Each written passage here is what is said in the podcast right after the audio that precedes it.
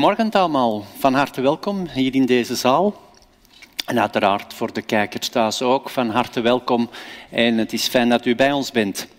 Ik hoop dat we er vanavond, eh, vanavond, van de morgen uiteraard, een hele aangename en toffe en vooral een leerrijke dienst van kunnen maken. En dat het ook een dienst mag zijn vol van lofprijzing en gebeden die zullen worden uitgesproken. Uh, we heten onze voorzitter Jeroen Tuinstra van harte welkom en die zal ons ook voorgaan in de preek uiteraard. Het is vandaag bijna dag op dag dat uh, corona is uitgebroken, dat het een pandemie is geworden. En ik denk dat we na twee jaar eindelijk eens kunnen zeggen dat het bijna achter de rug is en dat we de pandemie achter ons kunnen laten. Ook vandaag, sinds vandaag zijn de mondmaskers afgeschaft en het is fijn om eens terug echte gelaatsuitdrukkingen te zien in de zaal. Pas op, want nu kunnen we ook zien of u de preek saai vindt of niet. Dus u was gewoon van achter een masker te zitten, maar dat is verleden tijd. En ook de predikant vooraan zal dat kunnen merken. Dus het is gewoon een hint dat ik geef.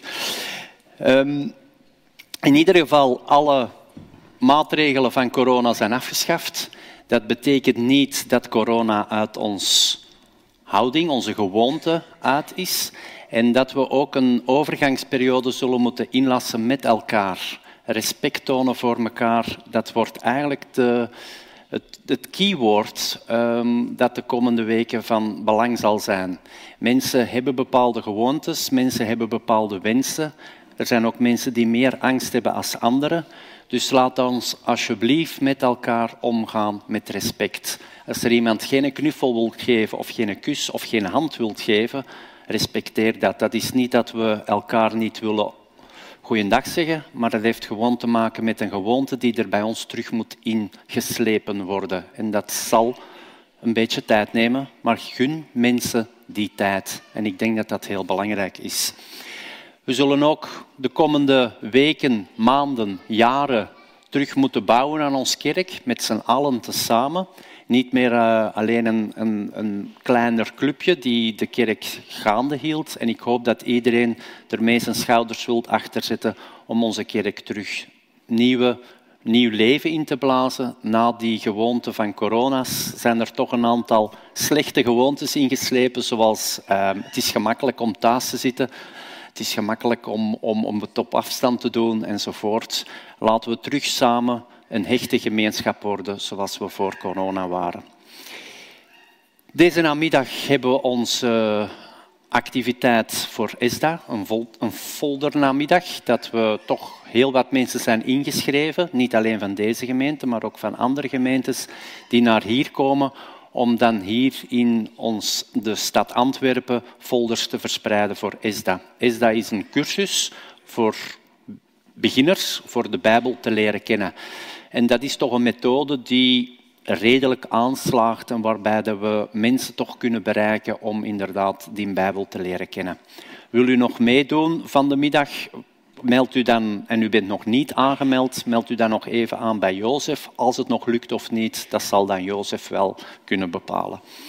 In ieder geval, we vertrekken hier om 14 uur. U krijgt een sector toegewezen en u kan op pad gaan met uw folders. En u zult er ook nog een versnapering bij krijgen, dat klopte. En in ieder geval, voorlopig schijnt de zon nog en ik hoop dat die straks ook nog schijnt. De mensen die niet mee kunnen, omwille van ouderdom of niet de nodige mobiliteit meer hebben, die vragen we uiteraard om voor deze actie hun gebed te geven. Deze namiddag komt de jeugd samen om 14 uur. Ehm, als u kinderen nog niet in de zaal hebt en ze moeten nog komen, gelieve uw kinderen dan te voorzien van de nodige slechte klederen, omdat ze waarschijnlijk naar het park gaan, moest het weer het toelaten. En dat is voor de komende weken uiteraard standaard. Het is er altijd de mogelijkheid dat ze met de jeugd naar het park gaan. Vanaf volgende week zal de sabbatschool, die tot op het ogenblik telkens op het eerste verdiep plaatsvond, zal die niet meer plaatsvinden daar, maar wordt die verschoven naar de grote zaal. Een beetje terug eh, pre-corona, allemaal terug naar de grote zaal komen. Ehm, het zal aanpassing vergen, maar we zullen ons er wel doorslagen. In ieder geval, vanaf 9 uur 45 bent u van harte welkom voor de Sabbatschool hier in de grote zaal vanaf volgende week. De inschrijvingen voor het paaskamp zijn ook van start gegaan. Het paaskamp is van 1 tot en met 4 april, dus dat is binnen een aantal weken. En u dient uw kinderen daarvoor in te schrijven, dat is voor vonkjes en verkenners. Hou er rekening mee, doe het snel, want het is bijna vol. En er gaan er maximum 40 kunnen er in dat huisje zijn. Dus als het vol zit, moeten we inderdaad mensen weigeren, helaas. Dus ook de mensen thuis, schrijf uw kinderen zo snel mogelijk in. Um, dan heb ik nog een aankondiging voor een quiz die we gaan organiseren op 7 mei. Noteer het al, maak uw agenda vrij. 7 mei. Drie jaar geleden hebben we ook zo'n quiz georganiseerd met de jeugd. Het was heel fijn, er was veel volk. En nu corona voorbij is, denken we dat we dat heel aangenaam terug kunnen organiseren. Hier in de kerk, s'avonds, en dat zal rond zes uur zijn dat we ermee beginnen. In ieder geval houd die datum, die avond dan al vrij, 7 mei eerstkomend. Dan hebben we ook nog iets minder goed nieuws. De meeste mensen zullen het nieuws wel volgen op tv, in de kranten, op social media, dat Oekraïne daar niet meer is van weg te slagen. De oorlog die daar twee weken geleden is ontstaan. Het is daar ellende tot en met. Het zijn schrijnende beelden die we elke keer opnieuw zien en eigenlijk ons allemaal diep in het hart raken. Nu, Adra is daar van in het begin uh, werkzaam doet ook heel veel. Ik denk dat heel veel mensen ook uh, nieuwsberichten krijgen van ADRA via mail en zien wat zij allemaal organiseren. Er staat ook een heel bericht in van in het krantje, dat kunt u ook rustig lezen. Dus ik zou een warme oproep willen uh, lanceren om inderdaad in deze periode uh, voor ADRA steun te geven en dat zij daar in Oekraïne inderdaad de mensen ter plaatse kunnen helpen. Ik ben zowat aan het eind gekomen van onze aankondigingen. Het waren er heel wat, eh, maar belangrijke waren erbij. En we kunnen nu inderdaad onze dienst van start laten gaan. En we willen dat doen met het woord van God zelf. Ik wil u voorlezen uit Psalm 66, de versen 1 tot en met 7. Heel de aarde, juich voor God. Bezing de eer van zijn naam. Breng hem eer en lof. Zeg tot God, hoe ontzagwekkend zijn uw daden. Uw vijanden kruipen voor u. Zo groot is uw macht. Laat heel de aarde voor u buigen en zingen, uw naam bezingen. Kom en zie de werken van God. Zijn daden vervullen de mens met ontzag. Hij heeft de zee veranderd in droog land. Zijn volk trok te voet door de rivier. Laten wij ons dan in hem verheugen. Machtig heerst hij voor eeuwig. Zijn ogen waken over de wolken en de, de volken. Laten niemand zich tegen hem verzetten.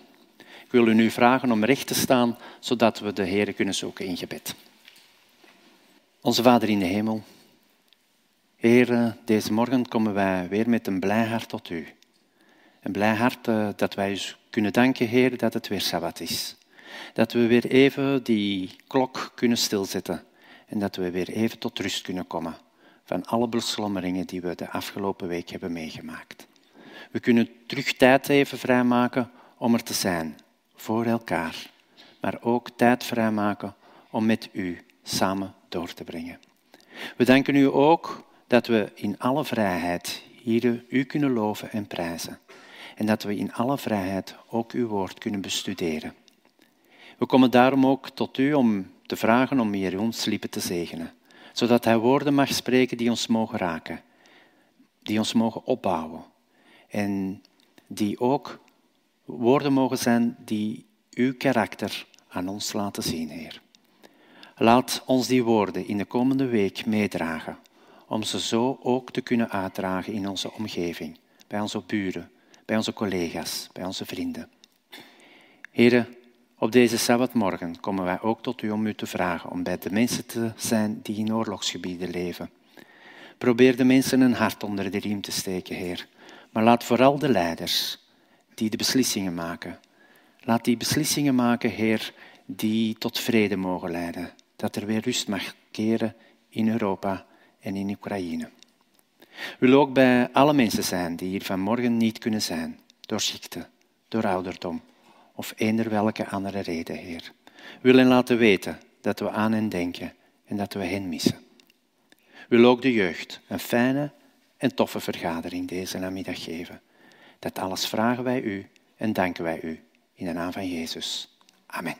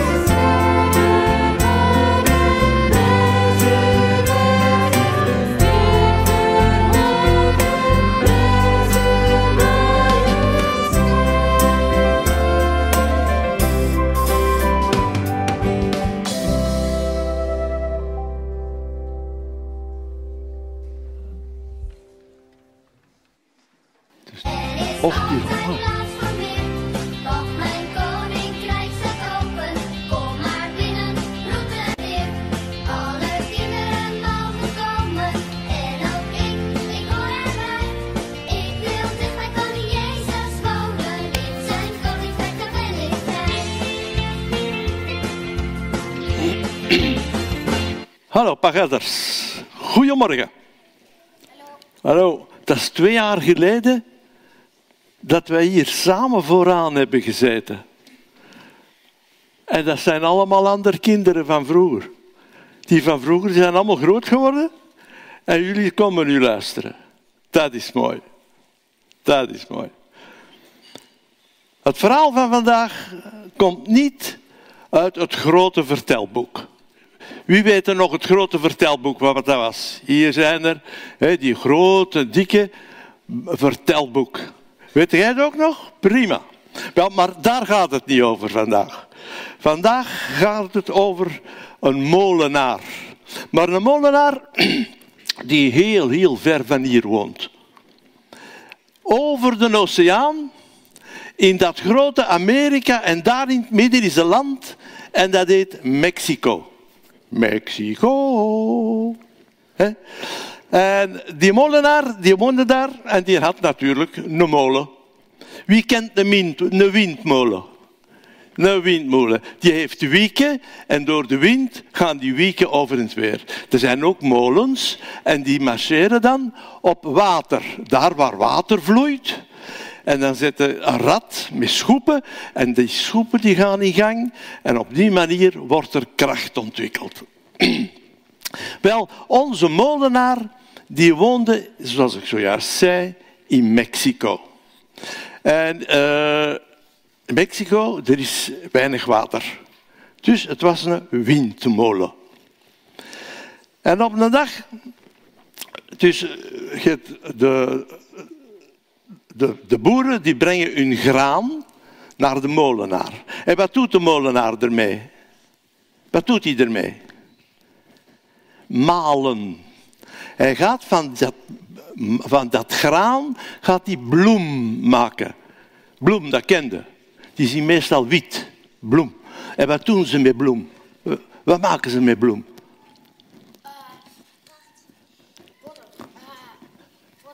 Boterhammen.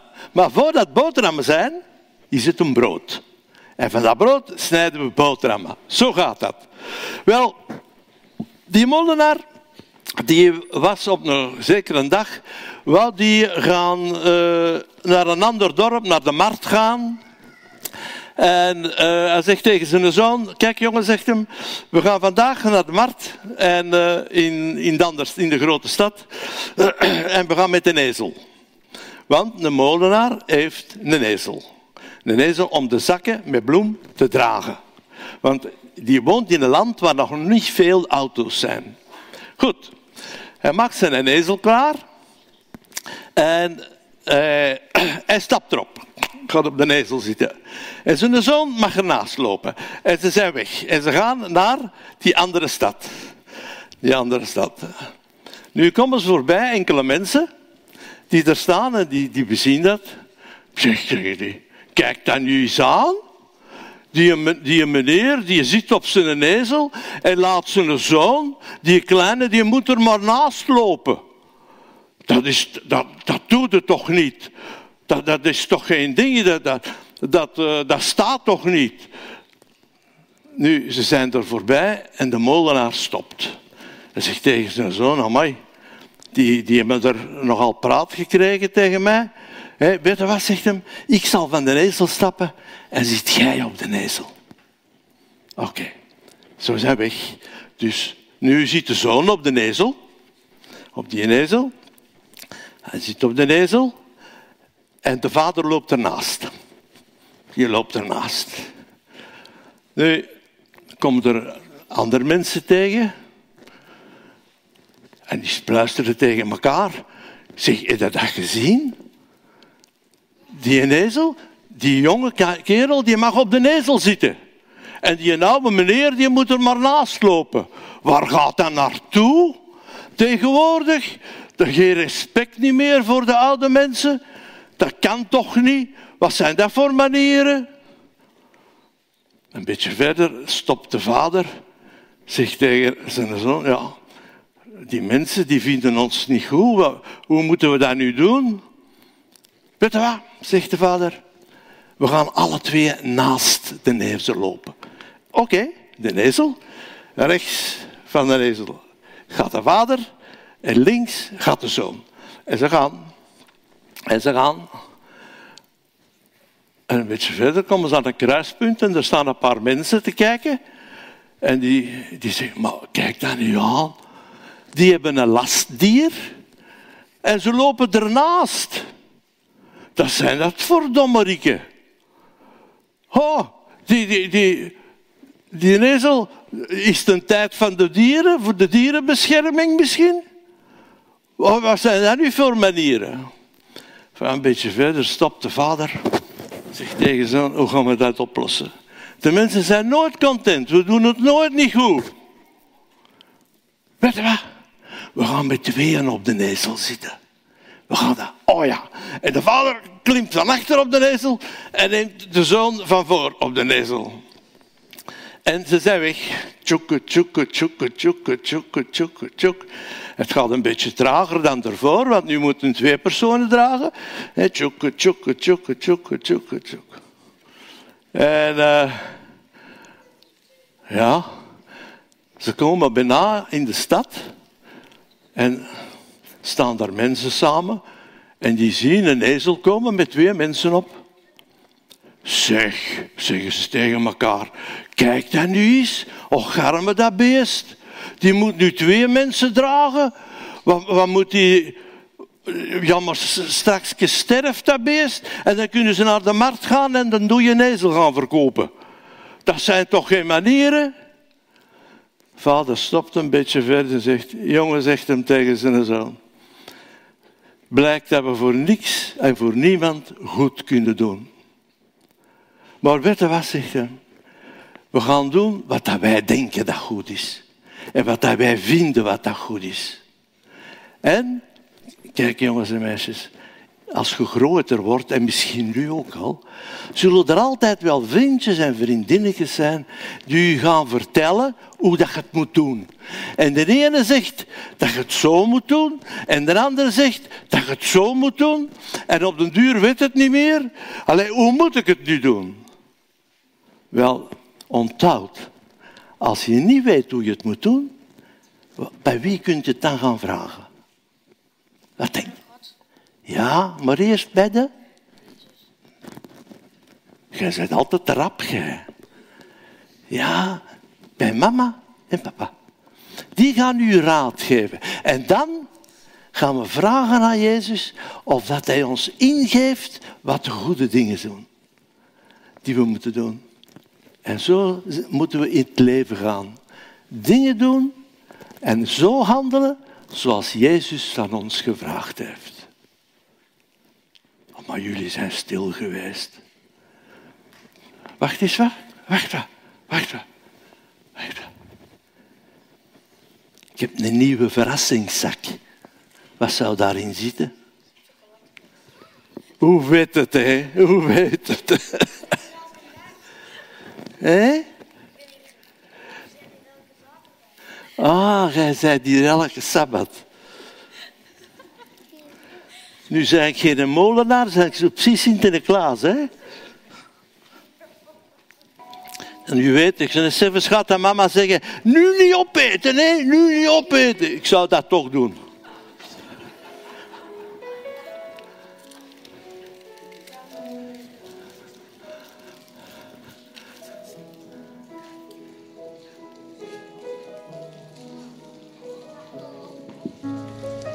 Na het mooie kinderverhaal van René mogen de kindjes mee naar boven. Er is boven een verrassing en er zijn ook mooie knutselwerkjes en ze mogen met Naira mee naar boven gaan.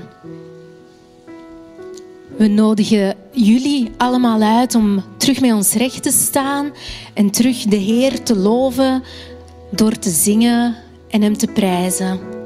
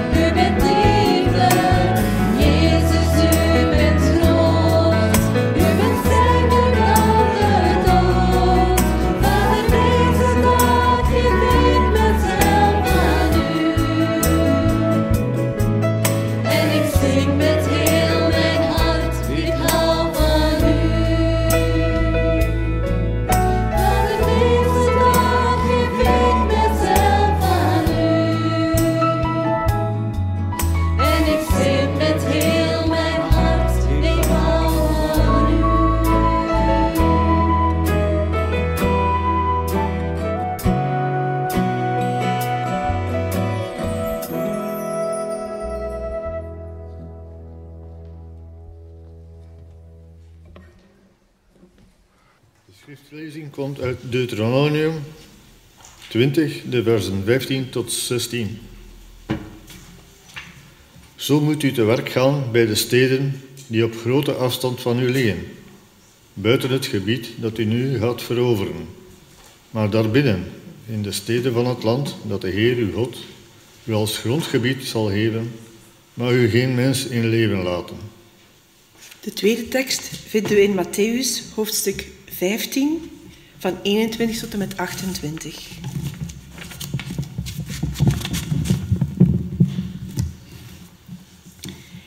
En weer vertrok Jezus.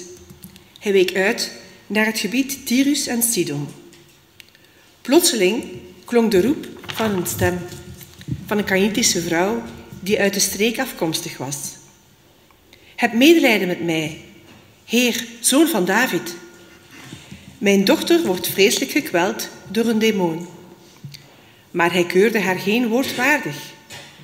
Zijn leerlingen kwamen naar hem toe en vroegen hem dringend: Stuur haar toch weg? Anders blijft ze maar achter ons aanschreeuwen. Hij antwoordde: Ik ben alleen gezonden naar de verloren schapen van het volk van Israël. Maar zij kwam dichterbij, wierp zich voor hem neer en zei: Heer, help mij! Hij antwoordde: Het is niet goed om de kinderen hun brood af te nemen en het aan de honden te voederen. Ze zei: Zeker, heer, maar de honden eten toch de kruimels op die van de tafel van hun baas vallen. Toen antwoordde Jezus haar: U hebt een groot geloof. Wat u verlangt, zal ook gebeuren. En vanaf dat moment was haar dochter genezen. De Heere zegen de lezing van zijn woord. Goedemorgen iedereen. Het is, ehm, het is weer goed om in, eh, in Antwerpen te zijn, al kom ik hier nu wel heel geregeld. Ehm, en ook vanochtend gaat de preek weer in de serie over vrouwen. Dit is de ene laatste. Dus eh, mocht u er zat van zijn, dan eh, nog één keer geduld en daarna komen er andere onderwerpen aan, aan bod. En deze preek gaat dus ook weer over een vrouw in, ehm, eh, in de Bijbel. En eh, bij de schriftlezing heb ik twee teksten gekozen. Eén is het eigenlijk verhaal waar we gaan naar kijken. En die andere tekst, misschien heel kort, maar die liet eigenlijk zien hoe eh, toen Israël, het volk Israël, Canaan innam, wat zij eigenlijk moesten doen met de volken die daar waren. En een van de volken die daar waren, waren natuurlijk de Canaanieten. En die moesten uitgemoord worden. En dus hun idee over de Canaanieten en de volken die daar woonden, was niet heel positief. En dat wilde ik een beetje als achtergrond schetsen met het verhaal wat we nu gaan bekijken in het Nieuwe Testament. Want daar komen we een Canaanitische vrouw tegen. Maar dan weet u meteen een beetje een soort historische context, hoe er werd gekeken naar dit soort mensen die in dat land woonden. Of in ieder geval wat de term betekende. In het Nieuwe Testament, en vooral in de Evangeliën, komen we Jezus tegen die heel vaak in contact komt met vrouwen. En dat was niet gebruikelijk in die tijd. Het was niet gewoon in die tijd. En het interessante is, in de contacten die Jezus heeft met vrouwen, laat hij juist bepaalde aspecten van zijn theologie zien. We zeggen altijd wel dat Jezus zich niet bezighield met theologie en dat hij alleen praktisch bezig was met het helpen van mensen.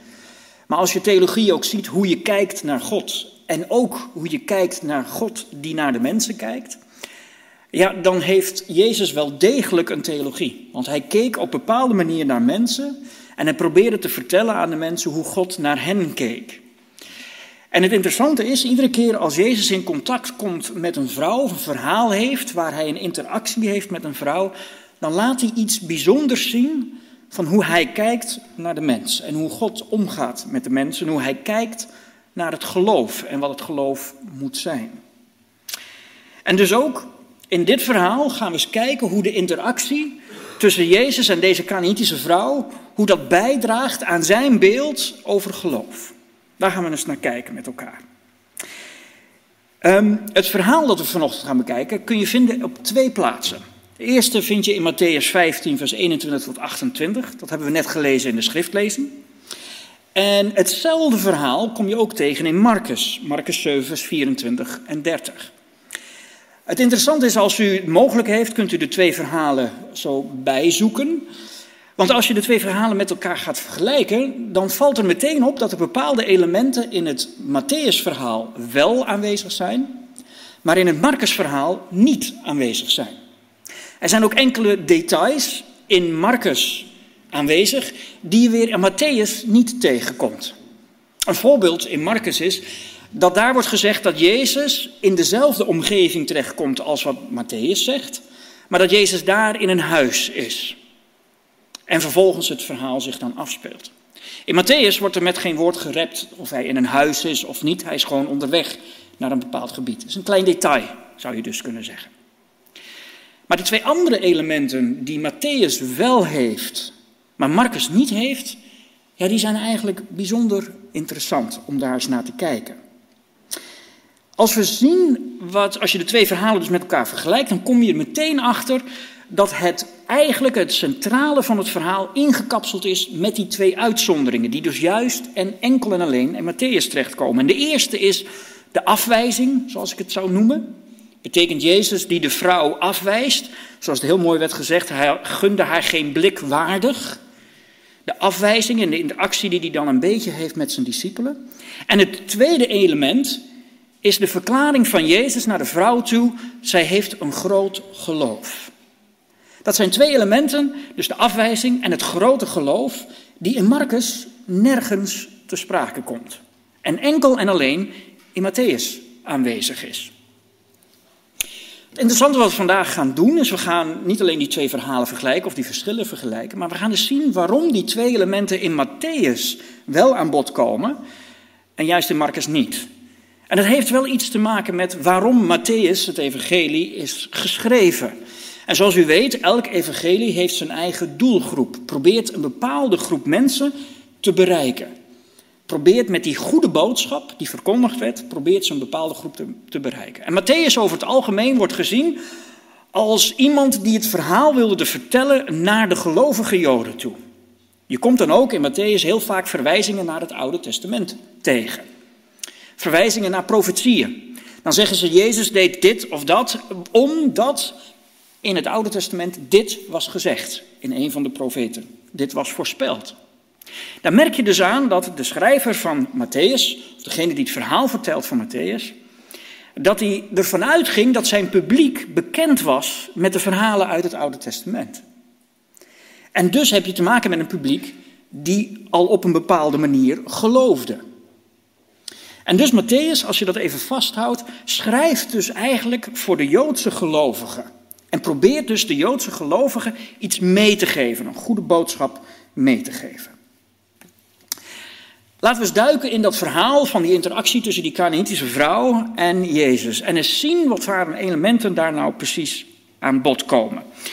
Het eerste wat we tegenkomen in het verhaal is dat Jezus is onderweg naar Tyrus, het gebied van Tyrus en Sidon. Beide Marcus en Matthäus beschrijven dit. Ze zitten dus op dezelfde plek. Jezus trekt dus naar het noordoosten van Israël toe. En het noordoosten van Israël op dat moment is een gebied waar veel heidenen wonen die eigenlijk absoluut niets te maken willen hebben met het Joodse geloof of met de Joden die daar wonen. Dus het is nog niet dat hij daar is aangekomen, maar hij trekt weg, zou je kunnen zeggen, van heilige grond. Hij trekt weg van een gebied waar heel veel Joden wonen, waar dat Joodse geloof heel erg sterk aanwezig is. En terwijl hij daarvan wegtrekt, komt hij dus een Canaanitische vrouw tegen. Nou, het contrast kan niet groter gemaakt worden. Ze wordt een Canaanitische vrouw genoemd en in Marcus wordt ze zelfs een Syro-Fenitische afkomst, krijgt ze. En er wordt er nog even aan toegevoegd, geen Jodin. Het wil even duidelijk gemaakt worden dat deze vrouw hoort dus niet tot het Joodse volk. Hoort niet tot het volk van Israël. Het contrast kan niet groter zijn. Hier heb je Jezus met zijn discipelen. Ik wil niet zeggen heilige mannen, maar mensen die dus diep in het Joodse geloof zitten. En die komen deze Canaanitische vrouw tegen.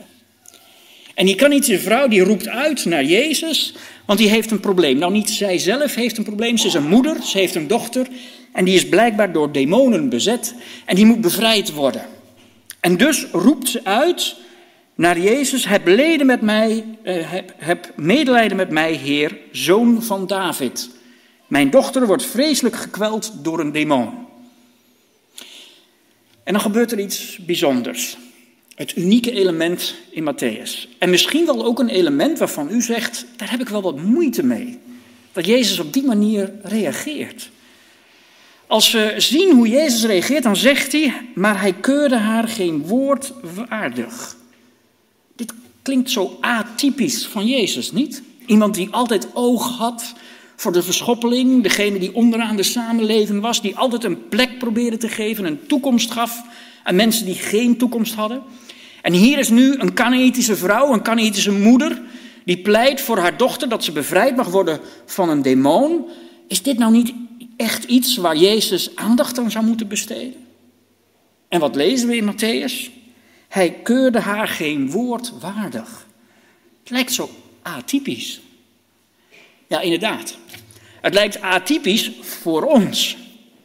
Wij waren niet het publiek van Matthäus. Het publiek van Matthäus waren Joodse geloven, het volk van Israël.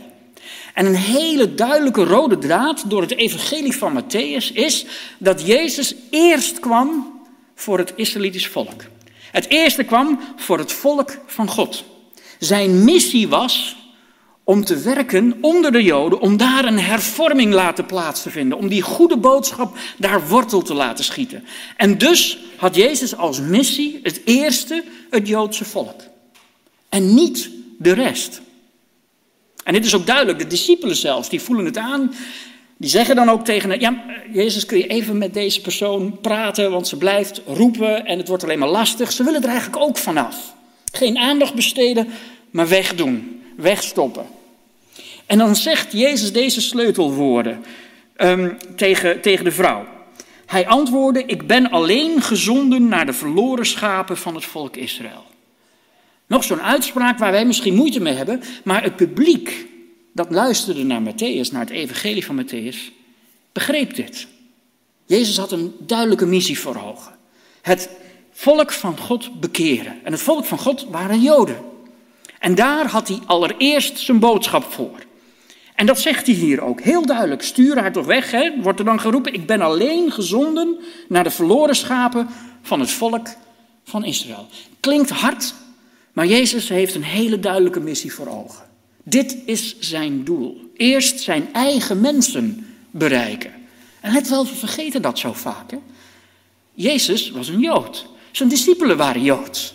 Hij behoorde tot het Joodse volk. Dat waren zijn broeders en zusters. Dat was zijn familie.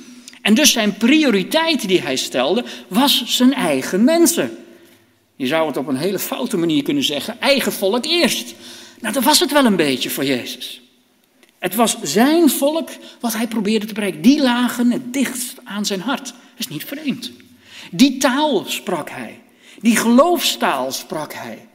Hij wist precies hoe hij deze mensen moest kunnen bereiken. En al het andere, die heidenen, die op afstand stonden, en zeker deze Canaanitische vrouw, ja, die waren een beetje lastig voor de missie. Als je je focust op missie, kun je daar niet veel tijd aan besteden. En dus probeert Jezus dat ook af te wimpelen. Die probeert af te wimpelen door te zeggen: Ik ben alleen gezonden voor de verloren schapen van, van Israël. En eigenlijk daaraan concluderen: Niet voor jou. Sorry. Nou, de vrouw die laat het niet zomaar liggen, of die laat het niet zomaar zitten, werpt zichzelf neer voor Jezus en roept dan die mooie woorden uit: Help mij, Heer. Heer, help mij alsjeblieft. En dan gaat hij verder met de woorden. Want dan zegt hij tegen, ze, tegen haar: Het is niet goed om de kinderen hun brood af te nemen en aan de honden te voeren.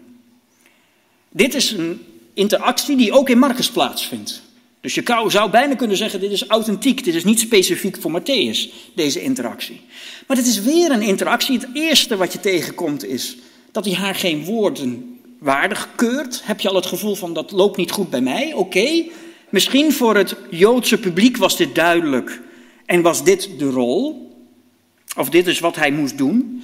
Maar nu dat tweede, dat hij gaat zeggen: Het is niet goed om de kinderen hun brood af te nemen en het aan de honden te voeren. Heel eerlijk zeggen, persoonlijk, iedere keer als ik deze tekst tegenkwam, voelde ik me heel erg ongemakkelijk. Bij die woorden van Jezus. Wat zegt hij daar nou eigenlijk? We weten wat hij bedoelt met de kinderen. Het voedsel dat aan de kinderen moet worden gegeven, dat heeft hij zelf net aangegeven. Hij is alleen maar gezonder voor de verloren schapen. Dus duidelijk dat hij zegt, luister eens, het brood dat ik heb, het eeuwig brood dat ik heb, ja, dat gaat allereerst naar de kinderen. En waar hebben we het dan over? Wie zijn dat, die kinderen? Dat is het volk van Israël. Dat is zijn missie, om dat volk eerst te bereiken. Dus de kinderen, daar ga je het brood niet van afnemen om het te geven aan de honden. Wie zijn dat dan? Ja, hij spreekt met die Canaanitische vrouw, met die heidense moeder. En die zegt dus eigenlijk: Het brood moet ik eerst geven aan de kinderen, het volk van Israël. En ik geef het dus niet aan jullie heidenen. Ja, dat wordt een pijnlijke zin, niet? Het lijkt net alsof Jezus hier de heiden aan het uitschelden is. Hij noemt ze honden. Dat is de eerste gedachte die je hebt. Dat is ons idee van honden. als we iemand een hond noemen, dan scheld je hem uit. Het interessante is dat Jezus dat hier eigenlijk helemaal niet doet. Zo komt het misschien wel bij ons over, omdat wij zo kijken naar honden. Maar Jezus doet dat eigenlijk helemaal niet. Hij gebruikt daar een term voor honden, dat eigenlijk niet betekent honden, maar het waren hondjes. En het idee erachter was, dat woord werd gebruikt voor honden die in het huis mochten wonen. Dat waren de honden die rond de tafel mochten blijven en die werden gevoed van wat er overbleef van het eten. Brood. In die tijd was het gebruikelijk om het brood, als je had gegeten, om het brood te gebruiken om de laatste dingen op te ruimen van de tafel, te eten. En wat je over had, dat voerde je dan aan de honden, zodat de honden niet verhongerden. Het waren dus niet gewoon maar straathonden. Want let wel, hè, dit is een Midden-Oosterse cultuur en ik weet niet of u ooit in het Midden-Oosten bent geweest. Maar het idee dat je een hond in huis hebt, zoals wij dat hebben, not done in het Midden-Oosten. Honden worden echt, nou ja, misschien door, in onze ogen slecht behandeld, maar die horen op straat. Die hoor je niet binnen in huis te hebben. In heel veel culturen, buiten Europa en buiten Amerika, heb je geen honden in huis. Die horen in de tuin. Die mogen het huis bewaken, maar binnen niet. En dat was in die tijd ook zo, maar er was een speciaal hondje, zou je kunnen zeggen, die mochten in huis zijn, die ruimde de boel op. In de middeleeuwen was het ook gebruikelijk om honden te hebben rond de tafel. Je ging je handen niet wassen. Je had dan heerlijk gegeten, je ging je handen niet wassen. Maar wat deed je dan? Je stak je hand onder de tafel en er kwam er een hond aan en die likte de boel schoon. En zo waren je handen weer schoon en kon je weer rustig verder eten. En maar afvragen waarom we zoveel ziektes hadden en al dat soort dagen. Hè? Nou, daar zou corona heel erg rond zijn gegaan.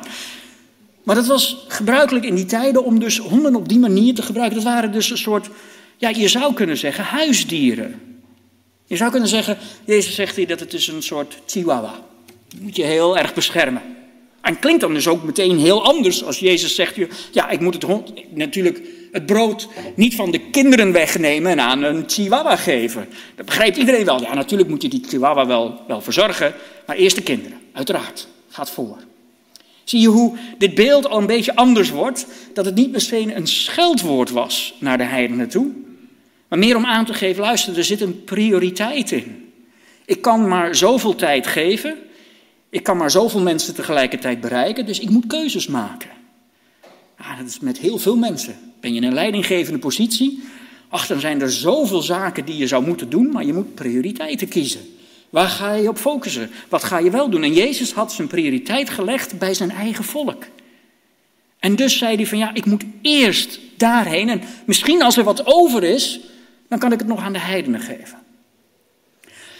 De Canitische vrouw had kunnen afdruipen en kunnen zeggen: Oké, nou ja, goed, ik begrijp het. Je hebt een missie te volbrengen. Ik pas daar niet helemaal in. Oké, ik ga wel weer weg. Maar nee, deze vrouw is wel wat slimmer. En die, die geeft hem een repliek. Die slaat de bal als het ware weer even terug. En die gaat die analogie van kinderen en honden gaat ze gebruiken. En die zegt ze dan terug. Maar luister eens, meester.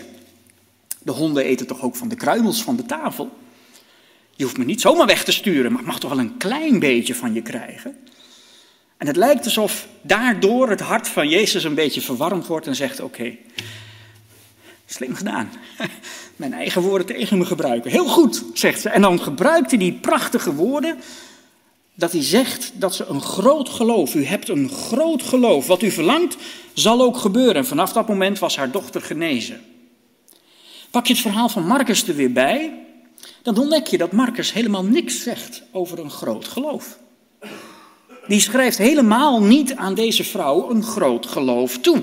Is daar zelfs stil over.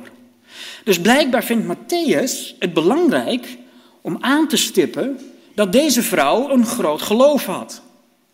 Dus het eerste aspect, de afwijzing, Jezus die niks met deze vrouw wil te maken hebben, omdat hij zich op de missie focust, op de kinderen van Israël focust. En vervolgens dat laatste element, een groot geloof, worden beide uit Marcus weggehaald. En blijkbaar past het in de logica van Marcus, past het niet. Maar het past volledig in de logica van Matthäus. Dat grote geloof en die afwijzing. Die afwijzing past erin omdat Matthäus duidelijk wil maken aan zijn publiek, luister eens, jullie zijn nog steeds het volk van God. En deze Jezus, deze Messias die jullie hebben verwacht, waarvan jullie weten, jullie hebben die kennis, zei dit wil ik nu bij jullie gaan brengen. En dan dat grote geloof. Dat is een beetje een contradictie in dit verhaal. We hebben het hier dus niet over de kinderen van God, maar we hebben het hier dus over een heiden. Een van de chihuahuas zou je kunnen zeggen. En een van die chihuahuas die heeft dus blijkbaar een groot geloof. Hoe kan dat? Hoe kan het nou dat blijkbaar iemand buiten het volk van Israël toch een groot geloof heeft? En dit is niet de eerste keer dat dit gebeurt in Matthäus. Dit is de tweede keer dat een heiden een groot geloof wordt toegeschreven. Een eerste verhaal wat we tegenkomen is in Matthäus 8, vers 5 tot 10. Dat is die centurio. Die woont in het ge- gebied van Capernaum. Nou, Capernaum, dat is een gebied in Israël, dat is immens Joods. Is niet onderweg naar het heidendom, zou je kunnen zeggen. Nee, is, daar kom je zoveel Joden en daar is een heiden. Die leeft dus onder de Joden. En deze centurio, die komt naar Jezus toe en die zegt ook, Heer, mijn, mijn slaaf ligt thuis verlamd op bed en lijdt hevige pijn. En hij blijft daarom vragen. En dan zegt Jezus, oké, ik kom met je mee. Dan zegt deze, nee, ik hoef niet, je hoeft niet met me mee te komen. Je, je hoeft het woord maar te zeggen. Hij zei, ik ben een centurio. Als ik zeg, we moeten hier linksaf met de hele ploeg, dan gaat iedereen linksaf. Ze doen wat ik zeg. En ik geloof dat u op dezelfde manier in elkaar steekt. Dus als u het zegt, het woord, dan is het al gebeurd. En wat concludeert dan Jezus als deze man dit geloof tentoonspreekt? Ik verzeker jullie, bij niemand in Israël heb ik zo'n groot geloof gevonden. Een tweede heiden die een groot geloof heeft gevonden.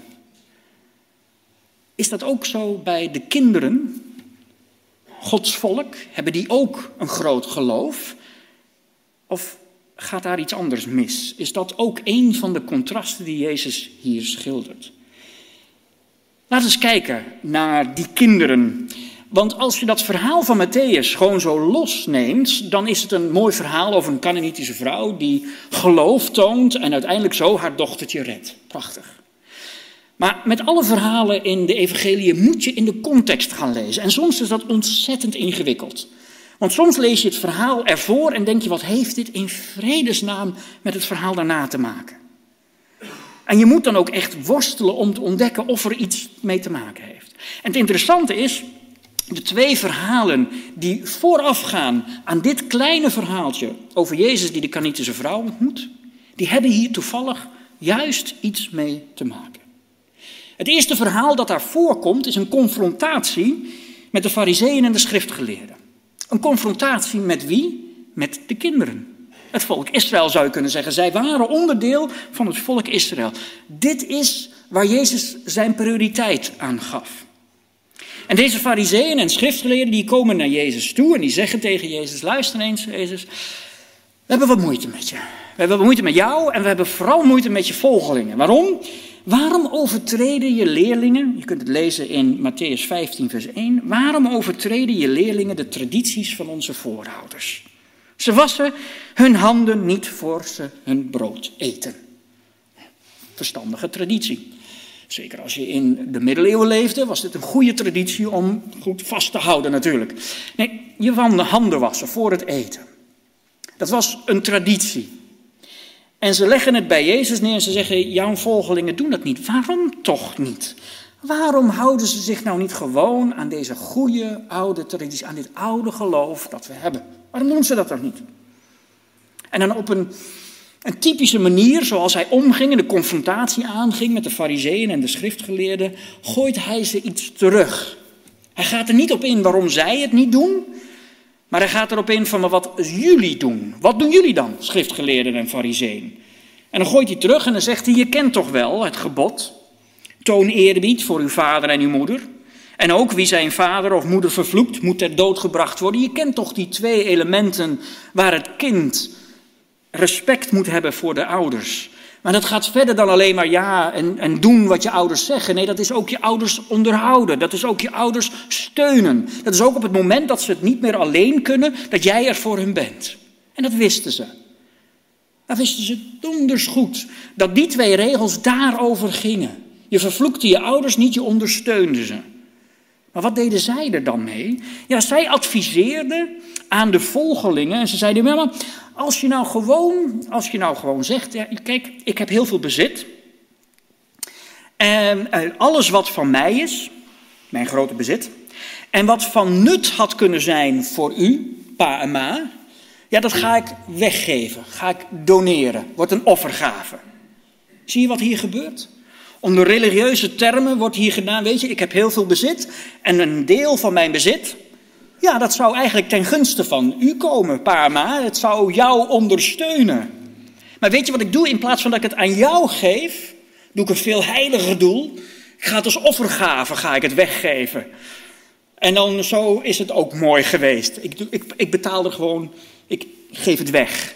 En daarmee eigenlijk de ouders niet meer ondersteunen, geen respect tonen en soms zelfs de armoede in laten storten. Maar dat was prima. Dat werd toegelaten door hun.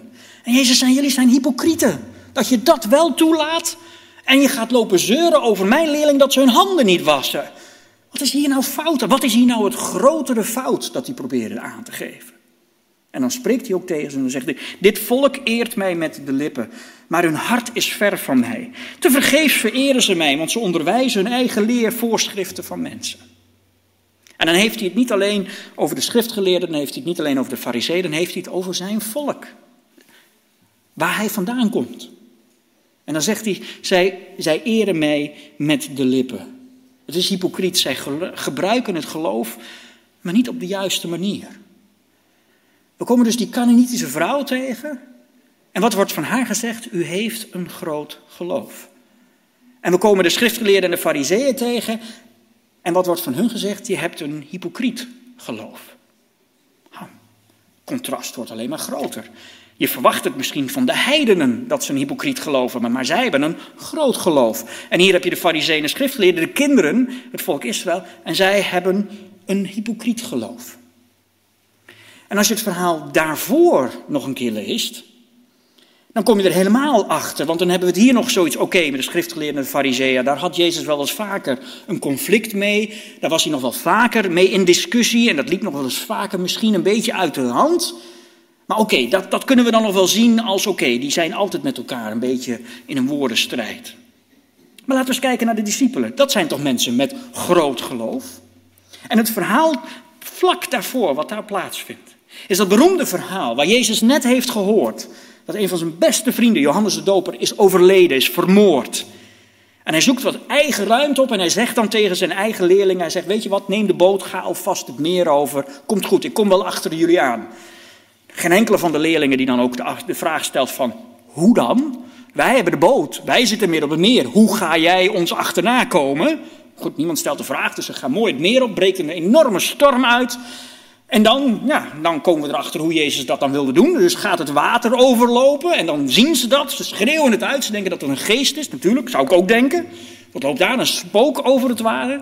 Uiteindelijk stelt hij hun gerust en zegt, nee, nee, nee, ik ben het, Jezus. En dan zegt Petrus, prachtig hoe deze man in elkaar steekt. Altijd vooraan willen staan, het beste willen doen en beste beentje voorzetten. Dus die zegt het ook tegen Jezus. Hij zegt, nee, Jezus, maar als u echt Jezus bent, nou dan kan ik ook overboord stappen en ook lopen op dat water. Dat ga ik dan doen. En Jezus zegt, nou kom maar.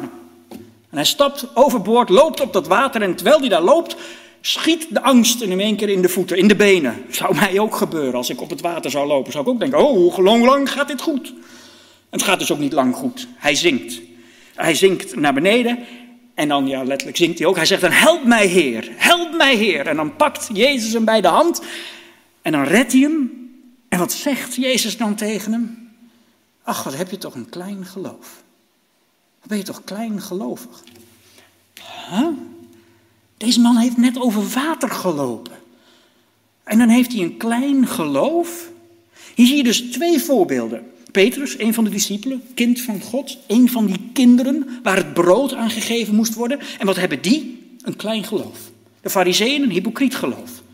En je komt dan deze heidenen tegen, deze honden, deze chihuahuas, we het zo vriendelijk houden. En die hebben een groot geloof. Wat is hier aan de hand? Wanneer heb je nou een groot geloof en wanneer heb je nou een klein geloof? Hoewel de missie van Jezus dus duidelijk is op zijn volk. En dat is denk ik iets wat wij heel goed moeten onthouden als christenen. Laten we wel wezen, onze wortels liggen in het Joods geloof. Hoe wij denken, wat wij geloven, moeten we terugvinden in dat Joodse geloof. Jezus was een Jood. Hij geloofde als een Jood. Hij leefde als een Jood. Hij ademde als een Jood. Hij was deel van dat volk. We kunnen dat niet zomaar aan de kant schuiven. We kunnen niet zomaar zeggen, ja, maar ze zijn vervangen. Dat zijn ze niet. Wij zijn erbij gekomen, maar zij zijn er nog steeds. Pak dat niet van ze af. Het was zijn volk.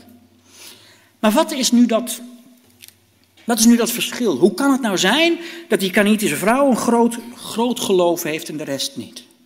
Het interessante is als je die drie partijen, de discipel, de fariseeën en schriftgeleerden, de Canaanitische vrouw, als je die naast elkaar zet, die drie verhalen, en eens gaat kijken wat zijn nou de verschillen en wat zijn nou de overeenkomsten tussen hen.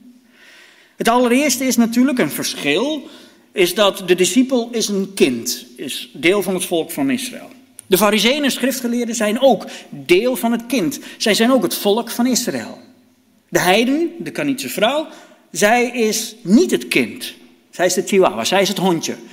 Zij is de heiden. Petrus en de fariseeën en de schriftgeleerden zijn het doel van, God, van Jezus' missie. De Canaanitische vrouw is niet het doel van zijn missie. Petrus roept uit als hij in de grond zakt, red mij Heer, help mij Heer. Hij heeft hulp nodig. De fariseeën en schriftgeleerden die zijn bezig met een soort zelfredzaamheid uit het geloof te halen. En het interessante is, de Canaanitische vrouw zegt hetzelfde. Zegt hetzelfde als Petrus. Waar Petrus zegt, red mij Heer, help mij Heer. Wat zegt de Canaanitische vrouw? Heer, help mij. Precies de laatstezelfde kreet. Maar bij de een wordt het toegewezen als klein gelovig, Petrus. En bij de ander wordt het toegeschreven als een groot geloof. Help, red mij. Jezus, red mij. Jezus luistert naar hen, spreekt met hen. Maar bij de Canaanitische vrouw negeert hij hem, haar. Uiteindelijk is een groot verschil tussen deze drie mensen, is dat Petrus vraagt hulp voor zichzelf.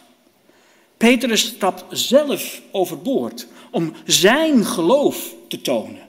En als hij uiteindelijk door het water zakt, is hij bezig met zijn eigen redding. Hij moet gered worden. Bij de schriftgeleerden en fariseeën wordt het geloof gebruikt om zichzelf te verrijken, om het beter te maken. Het geloof wordt gebruikt voor hunzelf. En een groot interessant verschil in het verhaal met Matthäus is dat de Canaanitische vrouw vraagt geen hulp voor haarzelf, maar als moeder voor haar dochter, voor iemand anders. Zij gebruikt dat kleine beetje geloof dat ze heeft en ze had geloof. Want ze identificeerde Jezus als zoon van David. Ze wist met wie ze te maken had. Of ze een volledige bekeerling was, dat is iets anders. Ze voelde zich in ieder geval niet deel van het volk van God. Want ze identificeert zichzelf als hond, als onderdeel van de heidenen. Maar ze heeft zoveel geloof dat ze nog steeds, maar ze zet dat geloof, dat beetje geloof dat ze heeft, zet ze in, niet voor zichzelf, maar voor haar dochter. En als je dat verhaal van die centurio erbij haalt, dan merk je dat daar precies hetzelfde element verschillend is. Ook iemand die naar Jezus komt, iemand die geloof heeft en dan uiteindelijk zijn geloof gebruikt niet voor zichzelf, maar voor de ander, voor zijn slaaf. Daar vraagt hij of die genezen kan worden. En iedere keer schrijft God of Jezus dat toe als groot geloof. Als je het verhaal van Petrus ziet, het is, ook, het is ook wel een beetje. Hij wil zelf gered worden. Ik bedoel, hij zit veilig in een boot. Het is de storm buiten. Hij ziet Jezus lopen op het water. En dan wat gebeurt er? Hij gaat zelf, kiest hij ervoor om zichzelf in gevaar te brengen. Hij stapt overboord. Hij manoeuvreert zichzelf in een positie waar hij uiteindelijk hulp voor nodig heeft. Maar het is wel een probleem van zijn eigen making. Het is wel zijn probleem dat hij heeft gecreëerd. Hij had niet overboord hoeven te stappen. Hij had veilig in het bootje kunnen blijven zitten. Maar nee, Petrus wilde laten zien hoe groot zijn geloof was en hoe stoer die man wel niet was. En dat hij hetzelfde kon doen als Jezus deed. En oei, toen hij er doorheen zakt. Ja, dan heeft hij hulp nodig. Dat was dat kleine geloof. Je geloof gebruiken om een beetje bravoer te laten zien. Dat geloof gebruiken voor jezelf. Om jezelf op te bouwen, groter te maken. Dat is eigenlijk kleingelovig. En deze mensen met dat kleine geloof, de Canaanitische vrouw, de centurio, wat hadden die? Die gebruikten hun kleine geloof om anderen te redden, niet hunzelf. En daarom neemt Jezus dit uitstapje. Jezus neemt dit uitstapje in zijn missie om te laten zien aan het volk van Israël, dit is echt geloof. En je vindt het niet bij jullie, je vindt het bij de mensen die je verafschuwt. Je vindt het bij de mensen waar je op neerkijkt. Je ziet het bij deze Canaanitische vrouw. Bij deze Canaanitische moeder zie je het. En jullie hebben altijd langs je neus gekeken naar de Canaanieten. Waarom? Want dat moest je uit het land weg doen. Dat waren allemaal slechte volken. En die wonen hier nu wel, maar moet je kijken, deze Canaanitische vrouw, die heeft geloof. Leer je les, was het bijna. Je ziet dat Jezus nog steeds met die missie bezig is voor zijn eigen volk. Hij laat deze vrouw optreden, hij laat deze vrouw laat hij zien om aan te geven, zie, dit is wat echt geloven is. En echt geloven is dat je het inzet voor je naaste, dat je het inzet voor de ander, dat je het inzet voor je dochter, maar niet voor jezelf. En dat is een moeilijke les voor ons te leren. Het is een moeilijke les voor ons te leren omdat we heel vaak het geloof op deze manier gebruiken. We gebruiken heel vaak het geloof voor onszelf, voor onze eigen redding. Hoe vaak ik niet wel niet heb gehoord dat mensen blij zijn dat ze in de kerk zitten van ja, als het gerecht dan uiteindelijk komt, dat zij er in ieder geval door zijn. Wij zijn in ieder geval gered. En al die mensen daarbuiten, nou ja, goed. We gaan wat foldertjes door de deur proppen en hopelijk dat ze dan reageren, dan zullen zij er ook bij horen. En niks over de, de, de, de actie die we vanmiddag hebben. Goede actie doen. Esther doet echt ontzettend goed en leuk werk om mensen weer in contact te brengen met de Bijbel. Maar soms maken we er ons wel een beetje zo van af. We doen een paar foldertjes en dan is het klaar. En dat is nou net juist niet de bedoeling. Je geloof is niet voor jezelf. Je geloof is voor een ander. Het is ook een beetje verschoven. Hè? Als wij nu de Bijbel lezen en we komen die vergelijkingen tussen als kinderen en honden, waar rekenen we ons nou eigenlijk onder? Waar rekenen we onszelf onder? Zijn wij de honden, de chihuahuas? Of zien we ons toch eigenlijk als de kinderen? Als Jezus probeert, als hij, als hij dingen vertelt en als hij een soort contrast schetst tussen de heidenen en het volk van God, waar plaatsen we ons dan zelf? We hebben het een beetje verschoven, hè? De Canaanitische vrouw plaatste zich heel duidelijk aan de kant van de Chihuahuas, zou je kunnen zeggen. Maar wij doen dat niet meer zo. Wij zien ons eigenlijk deel van Gods volk, hè? En, en terecht, ik bedoel, Paulus heeft het toch ook gezegd tegen ons, hè? We zijn nu kinderen, we zijn erfgenamen, erfgenamen van God. Samen met Christus zijn we erfgenamen. We moeten delen in zijn lijden om met hem te kunnen delen in Gods luister. We zijn deel geworden van het volk van God door Christus, toch? We mogen God vader noemen. We zijn onderdeel van het volk van God. We zijn ingeënt op de stam, op die grote, dat volk van God, toch? Dus als de Bijbel spreekt over Gods volk, dan, dan heeft hij het over ons. Toch? Willen we ook graag. Dus we hebben die lijn een beetje opgeschoven. Iedere keer als we dus het verhaal tegenkomen, en er wordt een contrast geschilderd tussen kinderen en honden, ja, dan zijn wij niet de chihuahuas, maar dan zijn wij de kinderen. En wie zijn dan wel de chihuahuas in onze tijd? Wie zijn dan wel de honden? Waar is dan niet de missie op? Ja, dat zijn de niet-gelovigen. De niet-christenen. Zo hebben we de lijn een beetje opgeschoven. Was het in de tijd van Jezus dat de kinderen waren echt Gods volk? En de chihuahuas waren alle anderen die niet Gods volk waren, heidenen. Wij ook, hè? We zijn allemaal heidenen hier. hebben wij de grens weer een beetje opgeschoven. Nu horen wij wel bij Gods volk, maar al die mensen die niet geloven in Christus, dat zijn de chihuahuas. Dat zijn de hondjes die buiten zijn. Zo hebben we de grens een beetje opgeschoven. En we gaan er eigenlijk in ons geloof op dezelfde manier mee om. We hebben niks te leren van de mensen buiten. Die chihuahuas, daar kunnen we niks van leren. Waar is het grote geloof te vinden? Bij ons, christenen. Wij hebben het geloof, want wij zijn het volk van God. Wij hebben geloof, want wij geloven in Christus. Dus wij zijn gelovig. We hebben een groot geloof. Mensen buiten geen geloof, toch? De Chihuahuas hebben toch geen geloof? De mensen die niet in Christus geloven, de mensen die buiten deze kerkmuren zijn, die hebben toch geen geloof? Zo dachten de mensen in die tijd ook. De heidenen hebben geen, die geloven in allerlei goden, die geloven allerlei bijgeloof en aan tempels en aan rare dingen die ze allemaal doen. En aan vieze mensen werd er zelfs over gezegd. Moet je niks mee te maken hebben. En daarna kijken om daar iets van te leren. Kom op zeg. Daar geloof terechtkomen. Nee, dat moet je hier zijn. Je moet bij de schriftgeleerden zijn, de fariseeën, bij de discipelen moet je zijn. Daar kom je groot geloof tegen. Oh ja, dat is precies de boodschap die Matthäus heeft. Daar kwam je het niet meer tegen. Daar waren ze het kwijt. Betekende niet dat ze niet Gods volk meer waren, absoluut niet. Maar er was iets weg. Ze hadden al die kennis en geen geloof. En dan kwam je die heidenen tegen, geen enkele kennis, maar een groot geloof. En dat is misschien wat wij moeten leren. Is dat we niet naar de maatschappij toe gaan. En dat we niet naar de mensen die buiten deze deuren en deze muren zijn in de kerk. En met een wijzend vingertje komen van jullie moeten het van ons nu allemaal gaan leren. Ja, de kennis misschien. Misschien hebben we heel veel bijbelkennis. En weten we heel vaak en heel snel ergens op te zoeken en te vinden. Maar misschien moeten we wel eens wat meer open zijn om ook iets te leren van de mensen buiten deze muren. Misschien kunnen we daar wel een groter geloof tegenkomen als we echt durven te kijken. Dat we een groter geloof tegenkomen dan we misschien in de kerk tegenkomen. En dat het geloof wat we moeten hebben, in moeten zetten voor de naaste. We moeten misschien die arrogantie eens kwijtraken. Die arrogantie dat wij het allemaal wel weten. En dat de wereld iets van ons te leren heeft. En wij niks van de wereld te leren hebben. Misschien moeten we die arrogantie eens een keer achter ons laten.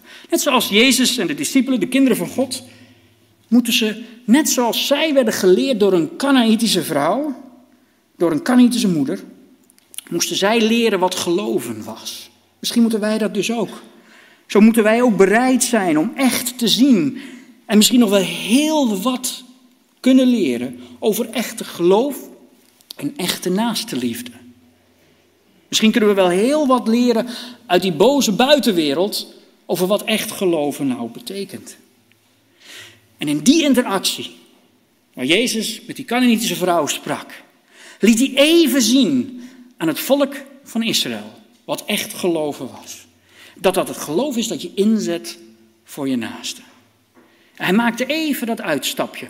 En vervolgens gaat hij verder, trekt hij weer gewoon verder en komt hij weer de volgende of vrouw of man tegen, schriftgeleerde volk van God, wat hij tegenkomt. Maar hij liet even voelen, in die korte interactie, luister mensen, dit is waar je naar moet zoeken. Dit is waar je naar op moet kijken. Dit is waar geloof. Wat deze vrouw hier toont, want deze centurio heeft getoond. En niet een Petrus die overboord stapt, in het water springt. En denkt dat hij groot gelooft. En niet de schriftgeleerden en de fariseeën die alle kennis hebben, maar dat inzetten om zichzelf te verrijken. Niet die mensen. Maar deze Canaanitische vrouw. Ik wil u oproepen om zo'n geloof te hebben. Laat het geloof hebben van die Canaanitische vrouw. De kennis van de, de kennis van de schriftgeleerden en de fariseeën. Maar het geloof van deze Canaanitische vrouw.